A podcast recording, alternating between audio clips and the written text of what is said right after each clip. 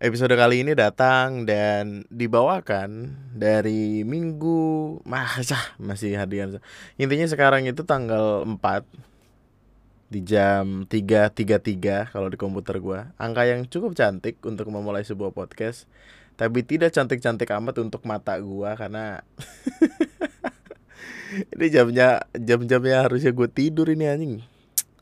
Persetan jam tidur jam tidur tai kucing lah demi hidup yang lebih baik konsisten.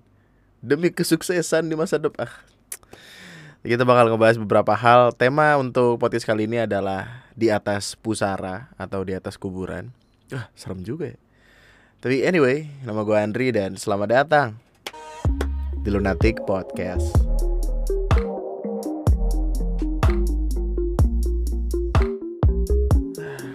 selama selama beberapa hari ke belakang ketika gue ngebikin gue nggak sempet nanyain.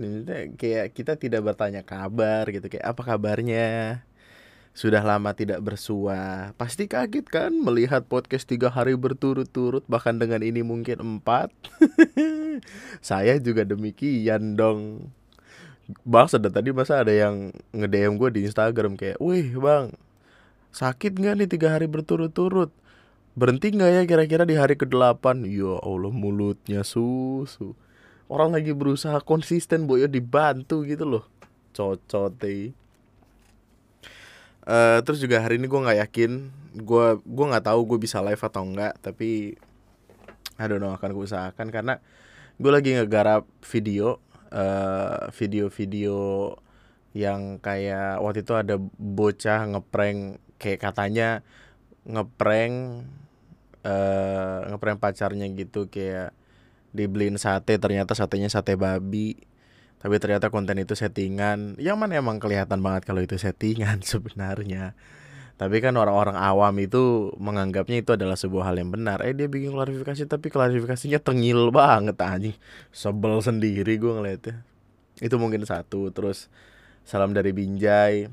Ada sembilan bocah SMP yang mengikuti video viral salam dari Binjai kemudian merusak satu kebun pisang yang belum dipanen. Yang punya pohon pisang marah-marah. Terus uh, apa lagi ya?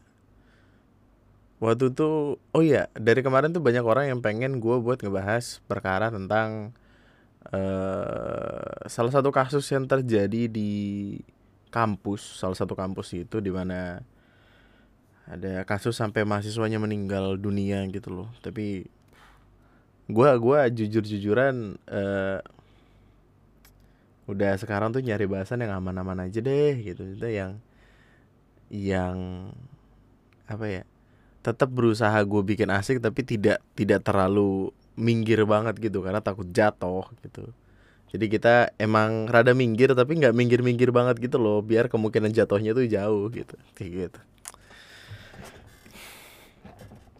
Tapi kita kembali lagi ke podcast, apa kabarnya? Semoga baik-baik aja. November, uh, tadi tiba-tiba ada yang nge-DM gue gitu bang, NNN gue gagal, terus NNN gue NNN triple N gitu loh kayak NNN gagal. Gitu. Gue cari tahu NNN ini apa Ternyata NNN adalah Nonat November yang artinya ya sederhananya tidak boleh masturbating selama satu bulan gitu lah. Kayak challenge tantangan dari internet aja gitu. Gue nggak tahu sih asalnya dari mana segala macam. Tapi kenapa banyak orang yang DM ke gua bang gua NNN gagal? Iya peduli setan. Kenapa lu ngomong sama gua nyet? Lu chat akun IG lu sendiri bego. Lu ngomong sama diri lu sendiri dah kenapa ngomong sama gue anjing? Terus dengan lu ngomong kayak gitu ke gue gue bakal apa gitu? Gue bakal menyemangati lu kayak bulan tahun depan masih bisa. Apaan sih anjing lah? Penting banget anjing. Aneh banget orang hidup.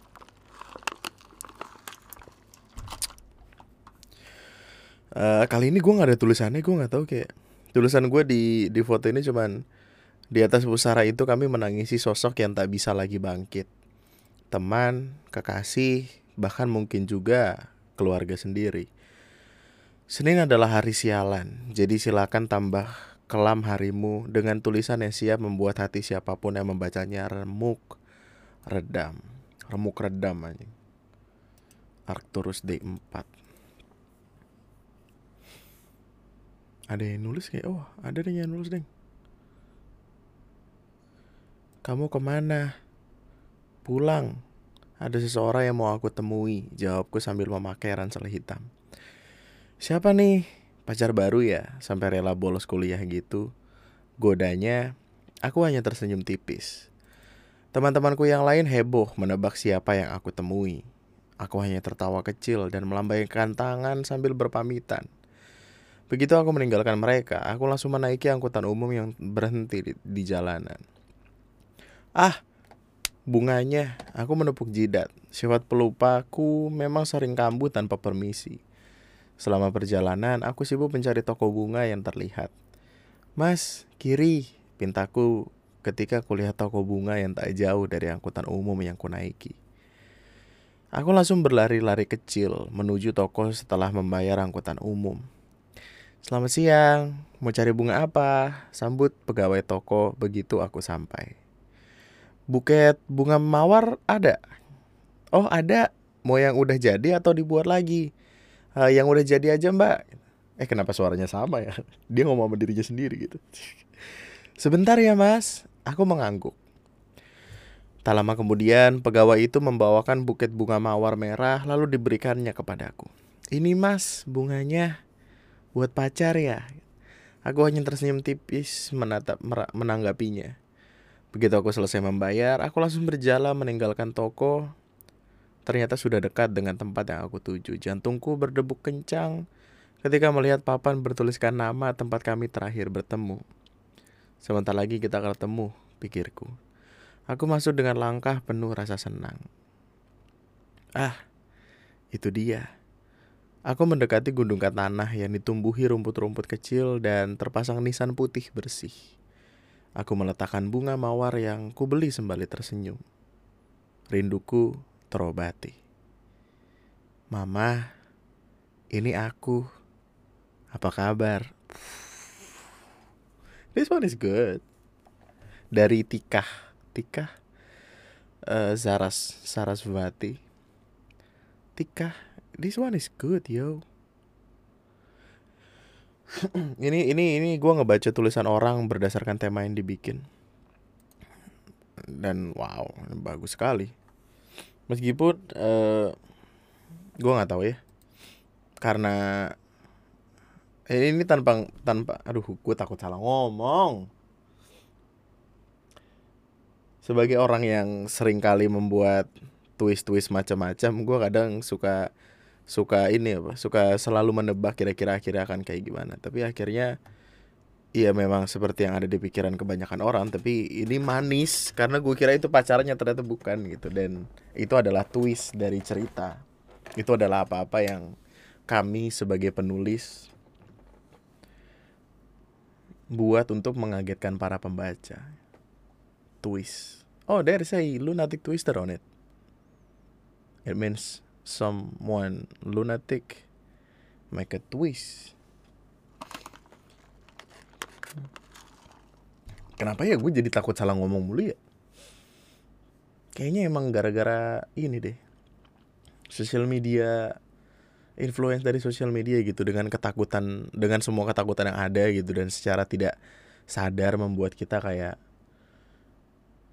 ya harus menyiapkan plan A, plan B, plan C kalau misalkan kita salah ngomong atau apa. Banyak komedian di luar sana tuh yang sekarang ketika ngejokes mereka nyari exit plan-nya loh. Jadi kayak mereka ngomong nih dar dar dar door gitu. Orang ketawa. Ha. Tapi kan selalu ada orang di belakang yang menganggap itu sebagai sebuah candaan kemudian pada akhirnya tersinggung akan itu dan komedian tersebut ya butuh cara untuk menanggapinya. Butuh apa ya? Strategi gitu loh dari awal untuk sekiranya kalau ada orang mikir kayak gini kita mesti gimana? And so on and so on. Dan ya gue berakhir seperti itu juga men. Ada ketakutan besar loh untuk ngomong di YouTube tuh. Gue masih mau hidup panjang nih gitu. Gue butuh source income nih gitu. Ah shit. Hidup ini menyenangkan sekali loh ternyata untuk bisa melihat sudut pandang orang lain. Uh, gua dalam hidup itu bisa dihitung pakai jari berapa kali gue pergi ke kuburan by the way. Uh, yang terakhir kali gue sambangi itu makam dari bude gue, which is kakaknya bokap. Uh, beliau meninggal di usia yang emang sudah cukup tua, Uh, terus sebelum itu ke makamnya kakaknya Ara yang mana itu adalah kali pertama gua dengan sukarela ingin tahu lebih dalam kehidupan orang lain untuk mengetahui apakah sekiranya gue bisa nyaman sama setiap detail dari hidupnya atau tidak kemudian gua waktu itu ngajakin dia untuk pergi ke makam abang. Uh, dan pernah gak sih lu ngeliat scene di film-film di mana ada seorang anggota keluarga menangisi anggota keluarganya yang lain yang sudah dimakamkan dan ngobrol dengan makam tersebut seolah-olah ada anggota keluarga itu di situ. Gue pertama kali uh, ngeliat itu langsung tuh ya ketika gue kenal sama Ara untuk pertama kalinya gitu. Gue cenderung menghindari sih awalnya tuh tempat-tempat yang berbau kuburan gitu karena dulu dulu deket ada kalau nggak salah tuh rumah gue yang mana gitu. Gue lupa pokoknya gue sempet tinggal di sebuah tempat yang sampingnya kuburan. Apa yang di Bengkulu ya? Lupa gue waktu gue bocah gue sempat ada masanya gue di Bengkulu gitu loh. Lupa gue pokoknya gue sempat tinggal di sebuah tempat yang uh, dekat sama kuburan. Dan itu menakutkan sekali men. For your information nih kuburan adalah tempat yang gue jauhi sekali bahkan siang hari pun yang namanya vibes kuburan lu tahu sendiri deh men seterang apa pun cahaya matahari kalau misalkan sepi ya serem-serem aja gitu. Especially kalau lu sendirian. Tapi kemudian gue nggak dengar cerita dari Ara kalau dia pernah waktu itu yang bahkan sampai maghrib di situ. Yang mana yang namanya maghrib di Indonesia di mana-mana gelap kan? Tapi ya segimanapun takutnya kita ketika kita sadar kalau kita ada di dekat orang yang kita sayang, kita akan tetap merasa tenang gitu. Jadi kayak kita merasa kita dilindungi. Pertama kali gue ke kuburan gue bahkan lupa men kuburan siapa ya. Maksud gue eh, sanak saudara gue yang berpulang itu baru bude gua kemarin. Maksudnya yang, yang satu keluarga ya di luar itu di luar itu nggak ada. Ya juga ya gue baru enggak dah. Karena kakung gua mboe gua masih ada alhamdulillah. Nyokap gue masih ada bokap gue emang kagak tahu ke mana. Gue juga kalau tiba-tiba ketemu sama kuburannya juga nggak kaget. Cuman gue belum pernah gitu loh. Terus saudara dari nyokap. Nyokap kan kayak tiga bersaudara kalau gue nggak salah. Iya tiga bersaudara dan masih pada lengkap gitu.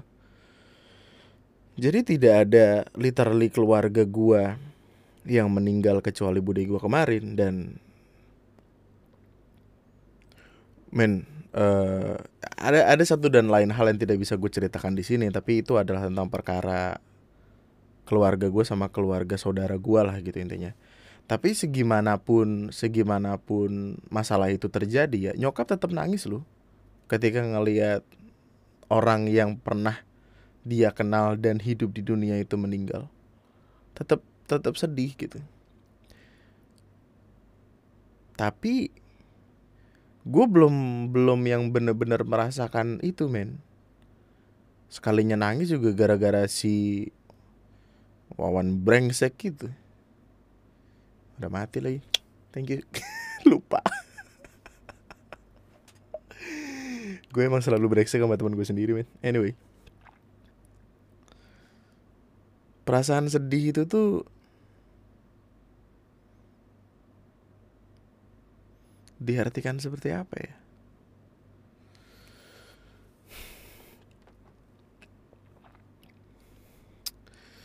yang gue cintai sekarang dari posisi gue sekarang adalah gue menemukan orang-orang yang memang pada dasarnya tepat untuk uh, menjadi teman gue hidup. Keluarga gue, teman-teman gue, let's Ali, Windu, Parhan, Ricky, gue kan berlima tuh, jadi ke mana-mana emang berlima. Terus keluarganya Ara. Waktu kemarin lamaran, uh, jadi kan di tengah-tengah sesi lamaran ada masanya kita memperkenalkan keluarga kita, keluarga dari yang mau melamar sama keluarga yang dilamar kan.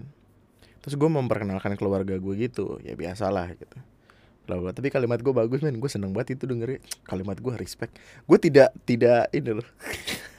kenapa gue kenapa gue self centered banget sih membanggakan diri sendiri anjing lah apa sih tapi gue seneng sama kalimat gue waktu itu. Nah kemudian uh, mama uh, jadi gue gue manggil nyokap gue sama nyokap nyara tuh mama dua-duanya mama gitu. Terus mama nyara memperkenalkan keluarganya. Terus ketika sampai da ketika sampai menceritakan uh, anak-anaknya tentu yang paling pertama disebutkan harusnya adalah abang dong. Kakaknya Ara anak pertama yang sudah berpulang. Dan mau gimana pun itu tetap sedih lah gitu. Gimana sih kayak di hari bahagia anaknya gitu, anaknya yang lain tidak bisa datang dan melihat gitu. Sedih men, mamanya Ara tuh sampai kayak ya iya nangis aja gitu as a parents gimana sih gue juga kalau ada di posisi mamanya apa sih sedih juga gitu uh, kemudian yang paling membekas di kepala gue adalah gue tuh udah dianggap sebagai bukan pengganti ya kalau pengganti itu katanya terlalu kasar. Seperti seperti orang yang hadir untuk mengisi kekosongan itu jadi ketika gue mau pulang uh, nyokap gue kan meluk nyokapnya Ara tuh mana tingginya sama bajunya hampir sama ya kan? Terus uh, nyokap gue bilang kayak makasih segala macam bla bla bla. Terus mamanya Ara bilang kayak iya makasih. Udah uh, apa ya udah ngasih anaknya ke kami gitu sebagai pengganti abangnya Buh sedih men mah gue nangis. Dan dan kayak Tuhan menakdirkan gue untuk mengisi gap di antara itu. Dan gue cukup senang gitu karena ya gue nganggapnya emang kayak keluarga sendiri aja gitu. Gue sangat amat bersyukur men. Dengan semua dengan semua kelelahan percintaan yang pernah gue alami tiba juga masanya di mana oh everything everything is done. Gua selalu tahu tempat untuk gua pulang. Setelah semua pesakitan-pesakitan yang ada akhirnya gua nemu tempat yang ya ketika gua ke situ ya itu tempat pulang gua aja gitu yang kedua. Atau mungkin bahkan tidak ada yang pertama yang kedua ya tempat pulang aja gitu. Gua masuk langsung ke dapur ngambil air. Langsung buka tudung saji kayak bocah-bocah gak sopan aja tapi ya tapi ya itu rumah gue juga gitu. Gimana sih?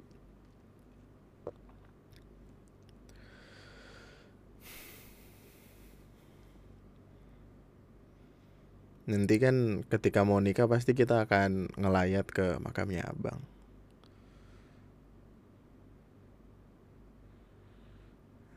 Dan ya seperti yang gue bilang di podcast sebelumnya, terkadang itu juga jadi pikiran buat gue gitu. Kayak nanti nih ketika kita semua mati gitu ketika gue deh ketika gue menanti mati kira-kira ada nggak ya orang yang nantinya bakal nyamperin kuburan gue let's say sebulan sekali atau mungkin setahun sekali lah gitu ketika lebaran gitu ketika mau lebaran. Gak usah muluk-muluk sebulan sekali. Gue yakin apa ya orang tuh move on man orang tuh move on melupakan kesedihannya. Dan kadang ya ya udah gitu hidup berjalan aja tanpa tanpa perlu apa ya bukan tanpa perlu sih kayak rasanya mereka tidak ingat gitu kalau ada sana keluarganya sudah meninggal dan rasanya butuh disambang gua gua gua gua nggak tahu siapa sekiranya yang akan datang ke kuburan gua gitu. Let's say membawakan bunga mampir sebentar sekedar membacakan yasin. Ya gini-gini gue masih Islam men. Gila lu. Bercandaan gue emang kadang wadaw tapi ya gue pernah ngaji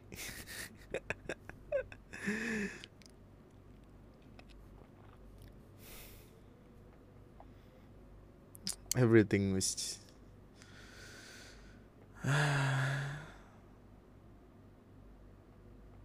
gimana lu udah dapat jawabannya belum? Kira-kira nanti ketika lu mati siapa aja yang bakal ngedatengin makam lu at least satu tahun sekali? Setahun dua kali mungkin lebih bagus idul adha idul fitri ya kan? Tapi kan kalau itu muslim kalau lu dari agama lain gimana Ramos tuh yang anjing tuh jadi.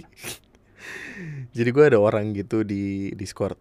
Uh, waktu itu sempat temenin gue di live waktu Subaton awal-awal apa. Terus si Ramos tuh cerita kalau waktu bocah malam-malam dia sering kali ke kuburan Cina untuk ngambil makanan yang ada di situ. Kan brengsek ya tapi ya itu kenakalan remaja aja gitu sudah dilupakan juga. Dan itu diceritakan di live waktu itu lucu juga sih.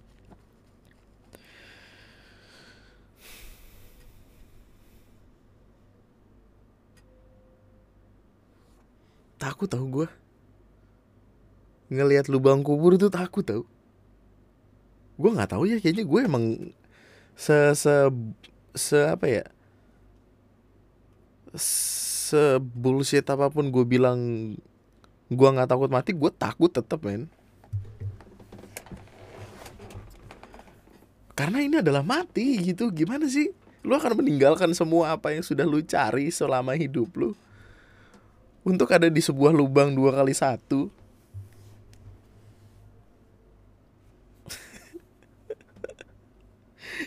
Serem juga ya bahasnya bahasan podcast ini adalah gimana kalau nanti mati. Astaga.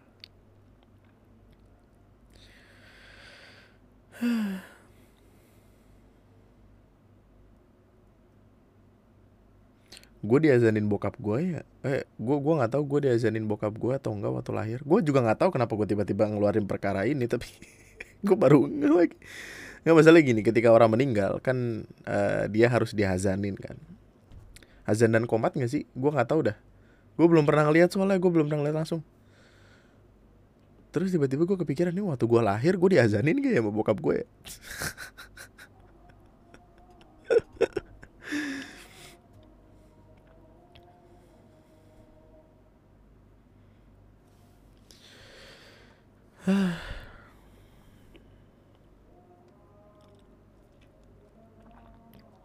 Jantungku tak lagi berdebar kencang kala ia datang menyambangi dengan sebuket mawar hitam dalam genggaman.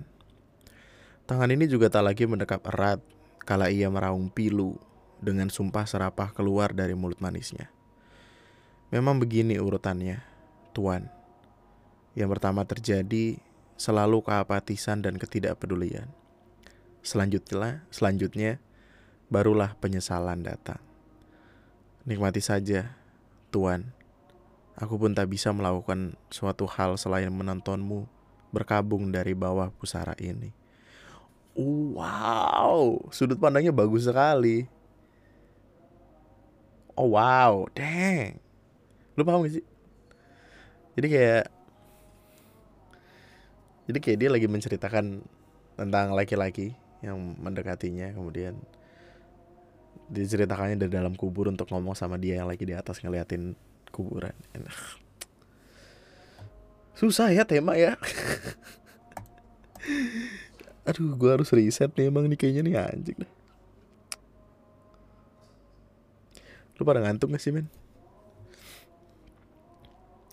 Gua gua ini nih, gua gua lagi nyari-nyari di Hipwi. Biasanya gue tuh kalau kehabisan uh, bahasan atau bingung dalam cara menuturkan kata, gua akan ke sebuah website namanya hipwi h i p w e e com. Kematian. Terus gue search aja apa yang lagi pengen gue bahas. Terus siapa tahu itu akan membuahkan hasil yang manis. Bisa terjadi kapan saja. Kematian internet bukan isapan jempol. Udah kenapa kematian internet internet itu too big to die gak sih? Itu bukan sama kayak TV yang terlalu gede? Sampai akhirnya nggak bisa mati. Rumor kematian pimpinan korut Kim Jong Un rumor orangnya udah hidup ya. Kisah mistis slash misi. Ya Allah serem amat anjing. Banyak disorot soal penanganan corona wabah virus corona kasus kematian pertama di luar Cina terkonfirmasi di Filipina Oh iya, lu baru sadar gak sih kita udah dua tahun loh corona, dua setengah. Uh, lama juga ya covid case apa kabar nih? Oh iya, gue gue udah pernah cerita ke lu sih kalau jadi waktu itu kan gue vaksin ya, ya. Gue vaksin di si Sing Singapore International School yang ada di Jakarta Utara Terus kalau mau ke situ kan gue biasanya ngelewatin jalanan yang dulu biasa gue lewatin ketika gue berangkat kerja, which is lewat Rorotan. Rorotan itu uh, jadi kayak ada sebuah some kind of bendungan atau kali gitu, banjir kanal timur, kanal BKT. Dan di pinggir BKT itu kayak ada uh, pemakaman khusus COVID. Terus di vaksin pertama kan gue sama nyokap gue Eh vaksin kedua juga deh Tapi di vaksin pertama tuh yang gue ngelewat situ tuh pagi-pagi banget asli. Jam setengah tujuh kalau gue gak salah. Udah rame min Rame banget parah.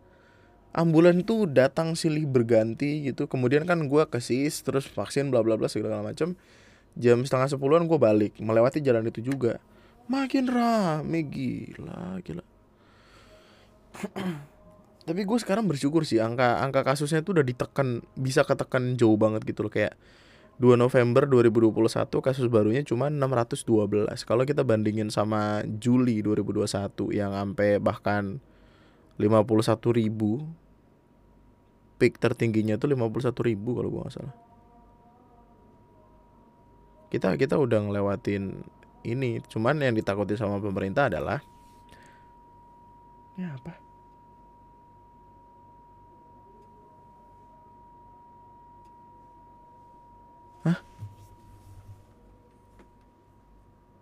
apa sih? Mikrofon masjid apa gimana dah? Gak ada suara nying gitu. Lu denger gak? Eh kenapa gue nanya lu? Kan lu jawab juga kagak bisa anjing. Goblok gue kadang-kadang. Kayaknya dari luar deh men.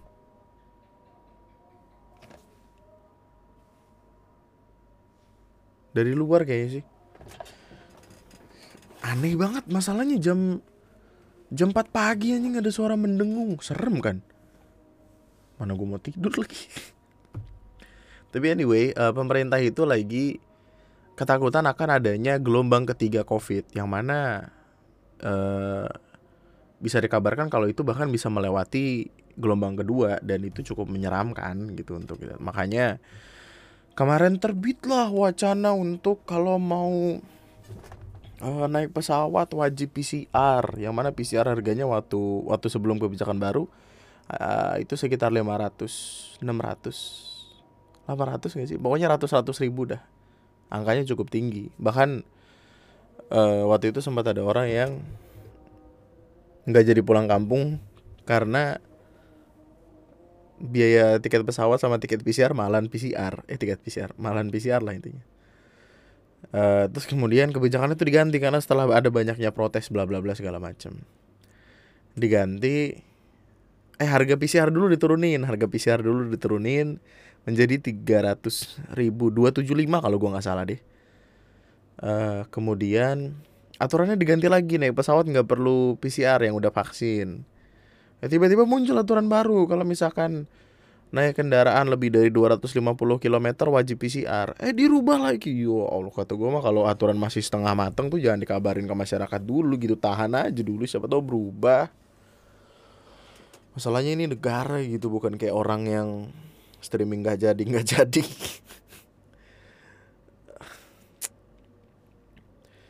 Tapi apa pun itu men semoga sehat selalu lah. Hati-hati sama semua perkara yang ada mana musim hujan lagi. Enak sih sebenarnya gue kalau bikin video banyak gitu musim hujan orang pada di rumah doang nontonin.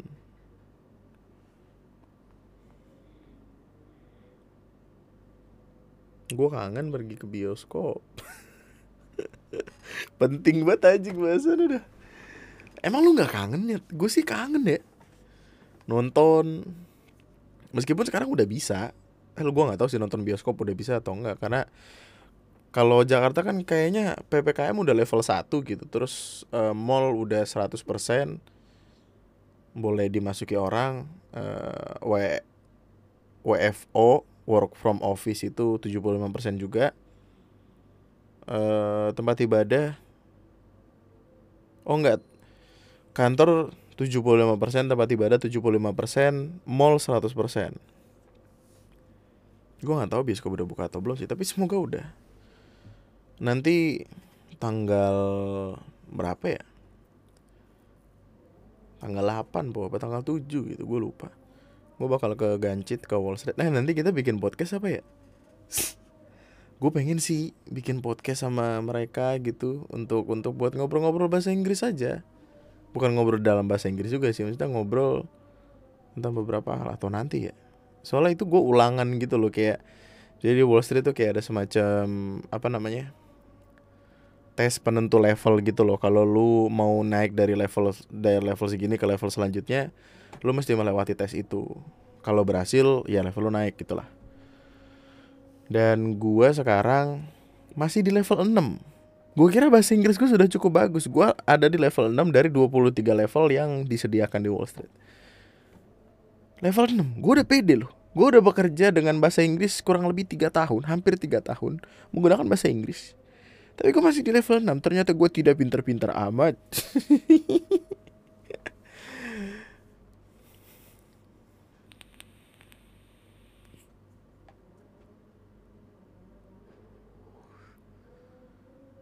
Gue jadi kepikiran India orang India ada yang dikubur nggak ya? Orang India tuh semuanya dikremasi nggak sih? Coba kita cari. Apakah apakah orang India dikubur? Kok apakah orang India? Hah? Kenapa? Apakah orang India dikubur bisa hidup kembali? Search searchnya di Google itu suggested searchnya ada men. Sumpah gue nggak bohong. Gue gua kan ngetik apakah orang India dikubur di bawahnya Google suggest ini bisa hidup kembali. Apakah orang India dikubur bisa hidup kembali? Maksudnya apa nih? Aparat India temukan ratusan mayat dikubur di tepi sungai. Masya Allah. Sungai Suci Gangga kini jadi kuburan banyak korban COVID-19. Nah itu loh. Di India sebelum dibakar jasad dipijat pakai madu. Ya Allah. Astagfirullah.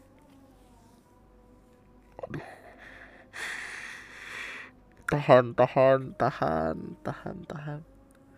Ini berita sumpah ada men, gue nggak bohong demi demi apa pun ada nih dari travel do tempo, travel do tempo, tra travel loh. Buat apa travel? Gue pengen coba gue baca, coba kita baca ya. Di India sebelum dibakar jasad dipijat pakai madu. Oke. Okay. Sungai Gangga merupakan sungai yang suci bagi umat Hindu. Di India, berbagai aktivitas dilaksanakan di sungai ini, mulai dari mandi untuk menyucikan diri, melarung abu pembakaran jasad, sampai menenggelamkan orang mati. Mengutip buku 3 RP 3 jutaan, oh 3 jutaan rupiah keliling India dalam 8 hari yang ditulis Rini Rahar Janti di Sungai Gangga, Setiap jasad dibakar di Manikarnika Ghat atau tempat pembakaran utama. Ghat ini beroperasi selama 24 jam untuk membakar sebanyak 150 sampai 240 jenazah setiap hari. Oh wow. You guys must be busy all the time. Siapa pun tidak diizinkan mendokumentasikan proses pembakaran mayat dalam bentuk foto maupun video. Adapun proses pembakarannya sebagai berikut. Di rumah, Jenazah dibijat dengan madu dan rempah-rempah terlebih dahulu. Tahan, tahan.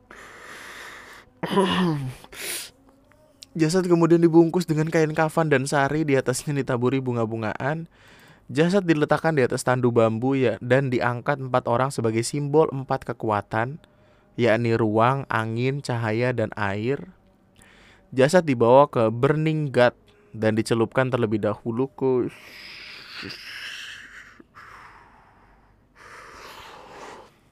Jasad dibawa ke Burninggat dan dicelupkan terlebih dahulu ke dalam sungai Gangga sebagai simbol pembersihan dan penyucian diri dari segala dosa. Setelah itu jasad dibakar di atas tumpukan kayu selama lebih kurang tiga jam dan abunya dibuang ke sungai Gangga. Tidak semua jasad di India dibakar, ada beberapa pengecualian yakni jasad holy man. Holy man itu apa? Orang suci wanita hamil, anak-anak, orang yang menderita cacar air, dan orang yang dipatok ular kobra. Kenapa? Kenapa ya? Jika mereka meninggal dunia, jasad mereka akan dibungkus dengan kain kafan kemudian diikatkan ke batu besar. Jasad bersama batu tadi lalu ditenggelamkan di tengah sungai Gangga. Oh, this one. Ini adalah apa yang gue kemarin ceritain gitu.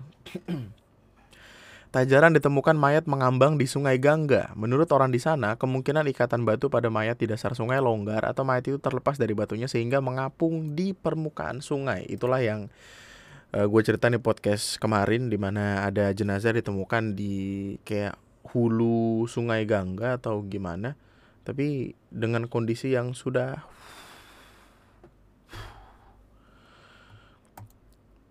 Tapi gue baru tahu loh kalau dipijat dengan madu dan rempah-rempah loh. Gue nggak tahan men. Oke. Okay. Dikubur hidup-hidup seorang bayi di India berhasil selamat, masya Allah. Ingin menjadi dewa, pria di India minta dikubur hidup-hidup. Coba bang, kubur dah bang. si abang ini gimana dia ngomong ke orang-orang gimana ya uh, pak maaf saya minta dikubur boleh eh kenapa kok minta dikubur iya jadi saya mimpi gitu. Aduh Diraj Harul, seorang pria asal desa Karoko, Rajasthan, India, nekat mengubur dirinya hidup-hidup agar dapat bereinkarnasi menjadi seorang dewa. Untuk menjadi seorang dewa, Deraj melakukan ritual aneh untuk mencapai samadhi supaya bisa dibangkitkan kembali menjadi dewa pada tiga hari kemudian. What is samadhi? Samadhi, samadhi, samadhi. In Indian philosophy and religion, and particularly in Hinduism and Buddhism, the highest state of mental concentration that people can achieve while still bound to the body and which unites them with the highest reality. The highest state of mental concentration. Okay. Masyarakat yang mendengar kabar ini bukannya menghentikan deras, tapi malah berusaha membantu. ya gini gue gak kuat men karena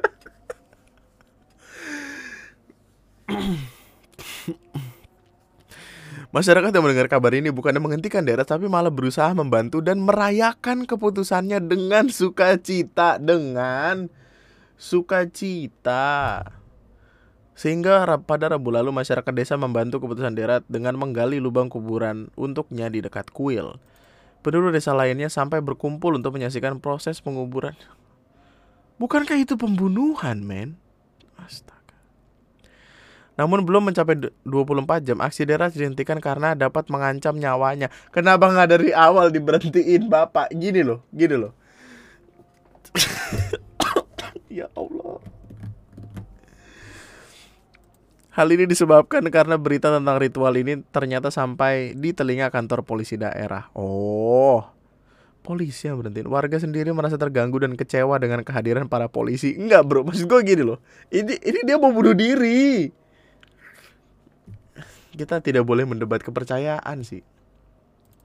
Sebelum menyelamatkan Deraj, polisi minta tolong kepada tetua desa. Mereka memberi informasi bahwa pria itu akan mati kehabisan udara karena dikubur hidup-hidup.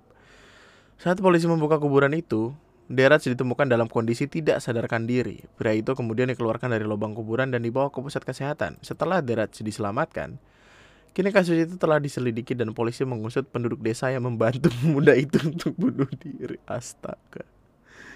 Kenapa sih aneh-aneh aja lu?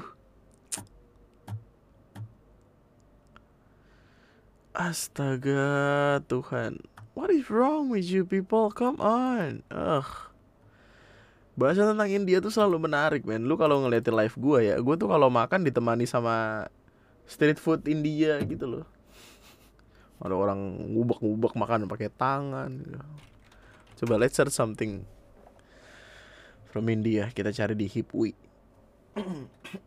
Jadi Hipwi itu kayak semacam portal cerita untuk diisi sama orang-orang gitu loh. Kayak blogspot tapi tersentralisasi di sebuah website gitu. Kalau blogspot kan kita nyebar gitu kan punya domain sendiri atau apa.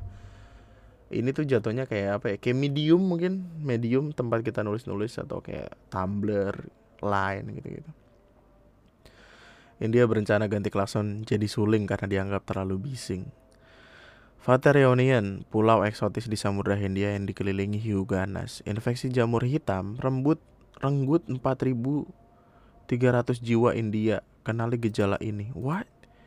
Infeksi jamur hitam? What is this? Infeksi black fungus atau jamur hitam kini menjadi perbincangan di masyarakat.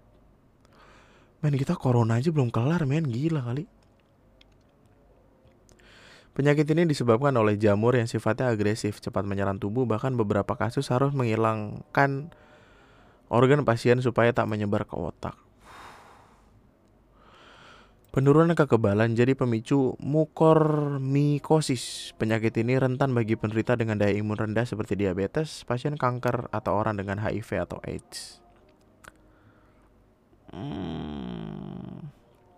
Gejala sinus dan mur mukormikosis otak termasuk pembengkakan wajah, hidung tersumbat dan sakit. Lu kalau lihat fotonya di sini rada serem sih.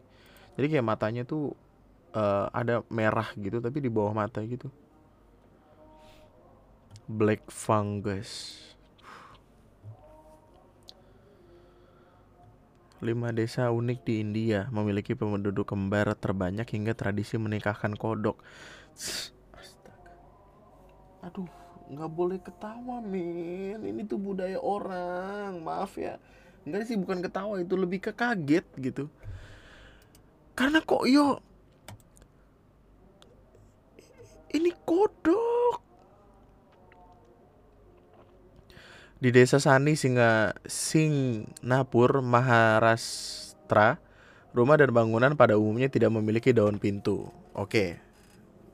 Kemalingan gak itu aja pertanyaan gue. Kalau emang gak kemalingan ya berarti emang budaya yang aman. Uh, di desa Setpal, Maharashtra masih di tempat yang sama loh Masyarakat setempat hidup berdampingan dengan ular. Bahasa ada bocah. Lehernya dililit ular kobra anjing.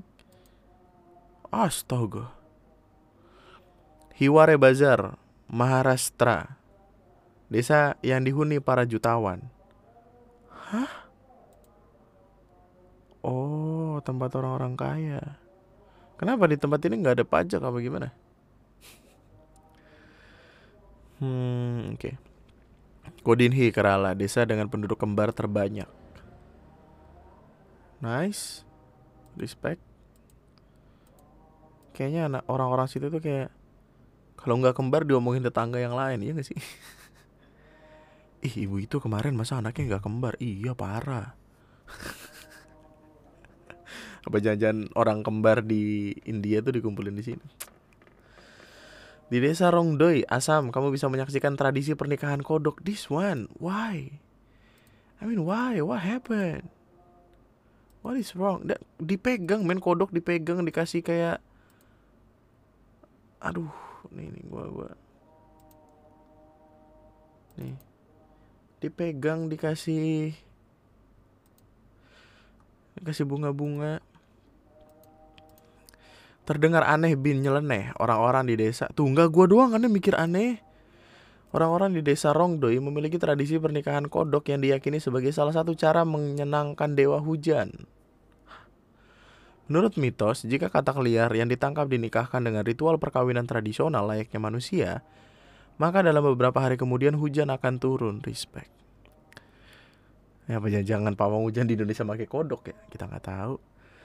Pernikahan yang tidak biasa ini disambut semarak oleh masyarakat desa Rongdoi.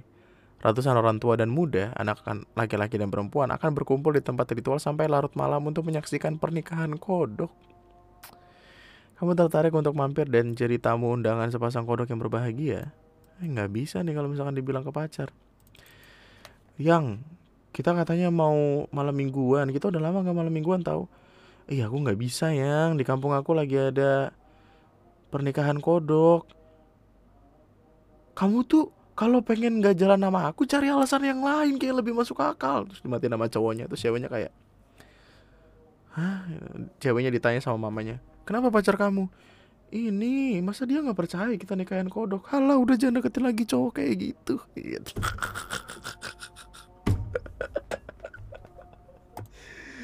cowok kayak gitu cuma mau waktu senengnya doang cowoknya tidak menghargai budaya Aduh. Ah.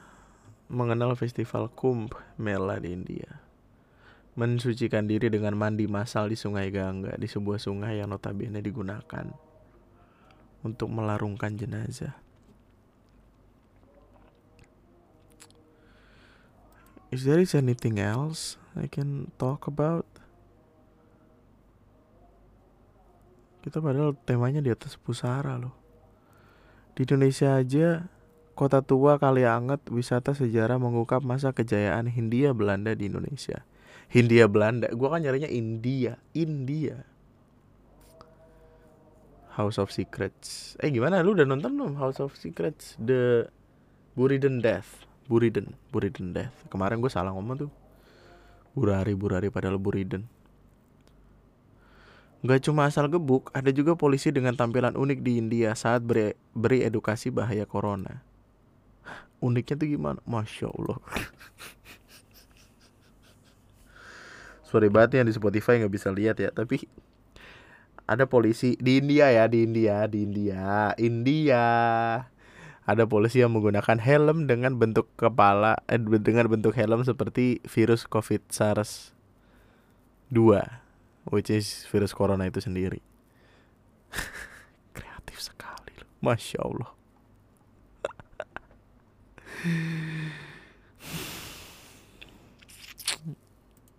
Seneng gue sama orang India kreatif kreatif anjing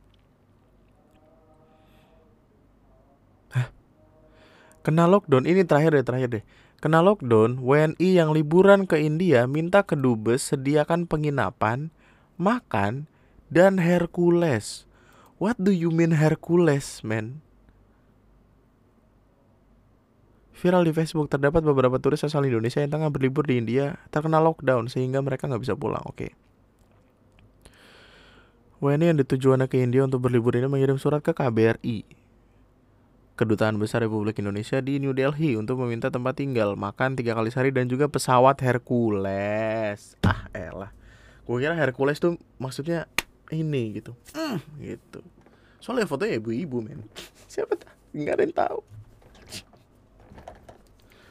Hercules tuh pesawat. Lagi dia cuma bilang Hercules. Juga dewa juga Hercules namanya ada dewa. Herakles.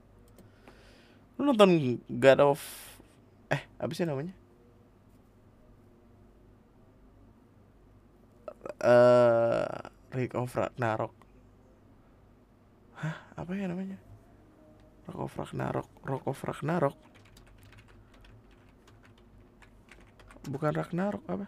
Record of Ragnarok Record of Nar Ragnarok adalah sebuah uh, anime mungkin anime series yang diadaptasi dari sebuah komik dengan judul yang kurang lebih sama sama apa enggak? Lupa gue ya. Pokoknya itu dia nyeritain tentang battle. Antara manusia dan dewa. Untuk uh, di di mana pertempuran ini perkelahian ini. Jadi kayak mereka ada di sebuah ruang tempat gladiator untuk bertarung gitu. Terus mereka bertarung untuk siapa pun yang menang. Kalau misalkan manusia menang mereka akan uh, membuat umat manusia selamat. Tapi kalau misalkan dewa kalah dewa akan menghancurkan bumi umat manusia bla bla bla gitu gitulah. Terus uh, fighter pertama itu yang paling pertama itu Lubu uh, kayak kalau di kehidupan nyata Lubu itu kayak panglima di China gitu nggak sih? Dinasti apa gitu. Tubuh Lubu ngelawan Thor. Uh, fight kedua itu Adam ngelawan Zeus. Fight ketiga itu siapa gitu pendekar pedang asal Jepang ngelawan Poseidon terus nanti di season selanjutnya ada Jack the Ripper lawan Hercules atau Herakles. Fight selanjutnya lagi itu uh, Pesumo ngelawan Shiva yang dewa dari India yang apa? Yang kalau lu lihat di animasinya tuh yang warnanya ungu itu loh. Terus yang selanjutnya Buddha melawan uh, apa namanya? Siapa sih namanya itu? Kayak salah satu prajurit setan gitu loh. Ah, aneh banget ah gue nggak tahu ya ini ini terlarang nggak sih untuk ditonton? Gue gue nggak tahu gue gue menikmati sebuah cerita yang imajinasinya tuh seliar itu min. Gue pengen tahu aja nih sudut pandangnya ke mana. Apa tontonan gue aneh ya soalnya waktu itu ada ada game gitu. Game ini namanya Fight of God kalau gue nggak salah. Isinya adalah uh, pertarungan kayak Tekken aja kayak gameplay. Lu tau Tekken gak sih? Game-game yang di dingdong yang berantem pukul-pukulan itu. Tapi ini antar dewa. Ada Zeus ada Buddha gitu. Terus itu di band dari Indonesia. Dan beberapa negara lainnya tentu saja karena itu dianggap sebagai pelecehan agama. Tapi yang Record of Ragnarok gue nggak tahu dah. Kalaupun di band Netflix yang kena soalnya men. Dan balik lagi ntar ke perkara kayak wah Netflix pantas di band nih gitu. Gara-gara nayangin pertarungan antar dewa. Zeus bro Zeus. Lawan Adam the first human being. The first human being kenapa ada beingnya tapi anyway uh, banyak banget gue ngomongnya ini dari tadi loh Padahal kita awalnya temanya nggak ke situ ya, tapi panjang.